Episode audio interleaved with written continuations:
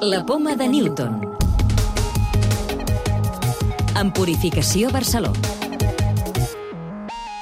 Tenir una Covid-19 greu pot dependre en un 15% dels casos de factors genètics. Us en parlem en el programa d'aquesta setmana, en el qual també descobrirem un algoritme que ajuda a disposar de més donants de fetge per a trasplantaments i d'una eina per predir els efectes de la immunoteràpia.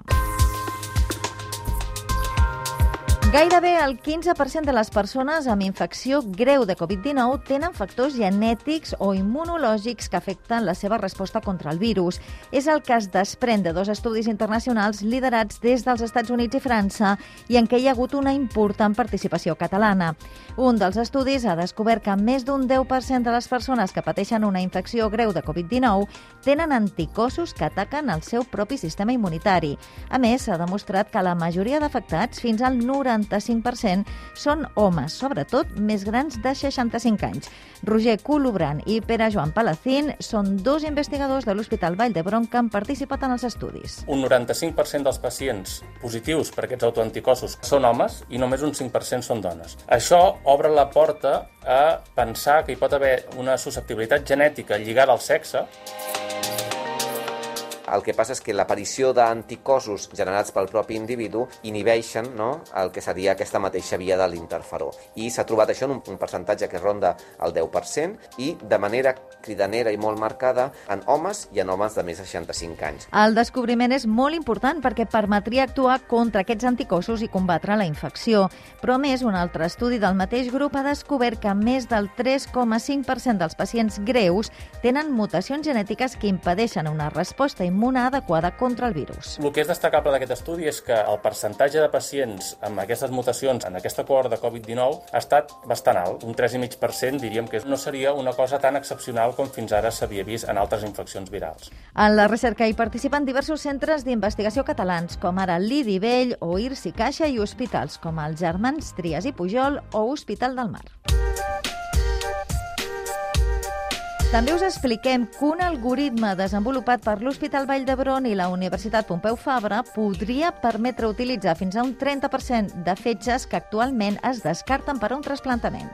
La nova eina, anomenada Livercolor, és d'ús senzill i fàcil. El cirurgià fa una foto amb el mòbil del fetge candidat i la passa per l'algoritme d'intel·ligència artificial, que analitza valors de color i textura i informa dels nivells de greix. Tot i això, la decisió final sempre és del cirurgià. Concepción Gómez Gavara és cirurgiana hepàtica i de trasplantaments de la Vall d'Hebron. Quan obrim el nostre donant, faríem una fotografia al fetge i en els escaus segons ens diria el percentatge de greix acumulat que conté aquest fetge. Eh, és el cirurgià, en funció d'aquest resultat i en funció de la seva experiència i de la seva opinió en aquest moment, el que decidiria si accepta o no aquest fetge. Un nou model basat en imatges d'atac i en intel·ligència artificial pot ajudar a determinar quins pacients es beneficiaran més de la immunoteràpia. L'eina l'ha desenvolupada investigadors de l'Institut d'Oncologia Vall d'Hebron i pot predir l'efecte que tindrà la immunoteràpia en un determinat pacient amb una precisió de fins al 75%. Es tracta de més una estratègia gens invasiva i que permet també fer un seguiment exhaustiu de l'evolució de cada càncer. La missió KIOPS d'observació de planetes descobreix un sistema planetari pròxim al nostre que té unes condicions extremes. Per exemple, acull un dels planetes més calents coneguts, un Júpiter ultracalent amb temperatures extremes de fins a 3.200 graus centígrads. A més, també és el planeta d'aquestes característiques més brillant que s'ha trobat fins ara. La missió Kios té com a objectiu identificar planetes interessants per estudiar-los més endavant amb el futur telescopi James Webb, el substitut del Hubble. El soroll provocat pels humans altera la vida dels oceans. És el que assegura un estudi internacional en participació del CSI que apunta que la contaminació acústica altera la fisiologia, la reproducció i fins i tot la supervivència d'alguns animals marins. Les causes són sobretot la mobilitat marítima, la pesca i altres activitats industrials. Els responsables de la recerca proposen fer servir noves tecnologies per fer seguiment d'aquests efectes nocius i gestionar millor la nostra actuació als oceans per intentar reduir el soroll que afecta als ecosistemes marins. Llibres de ciència. Aquesta setmana ens fixem en un llibre que podria semblar de ciència-ficció si no fos perquè està escrit per un destacat catedràtic de la Universitat de Harvard. Es tracta d'una obra que planteja que l'asteroide Oumuamua que ens va visitar l'any 2017 era en realitat una nau d'un altre planeta.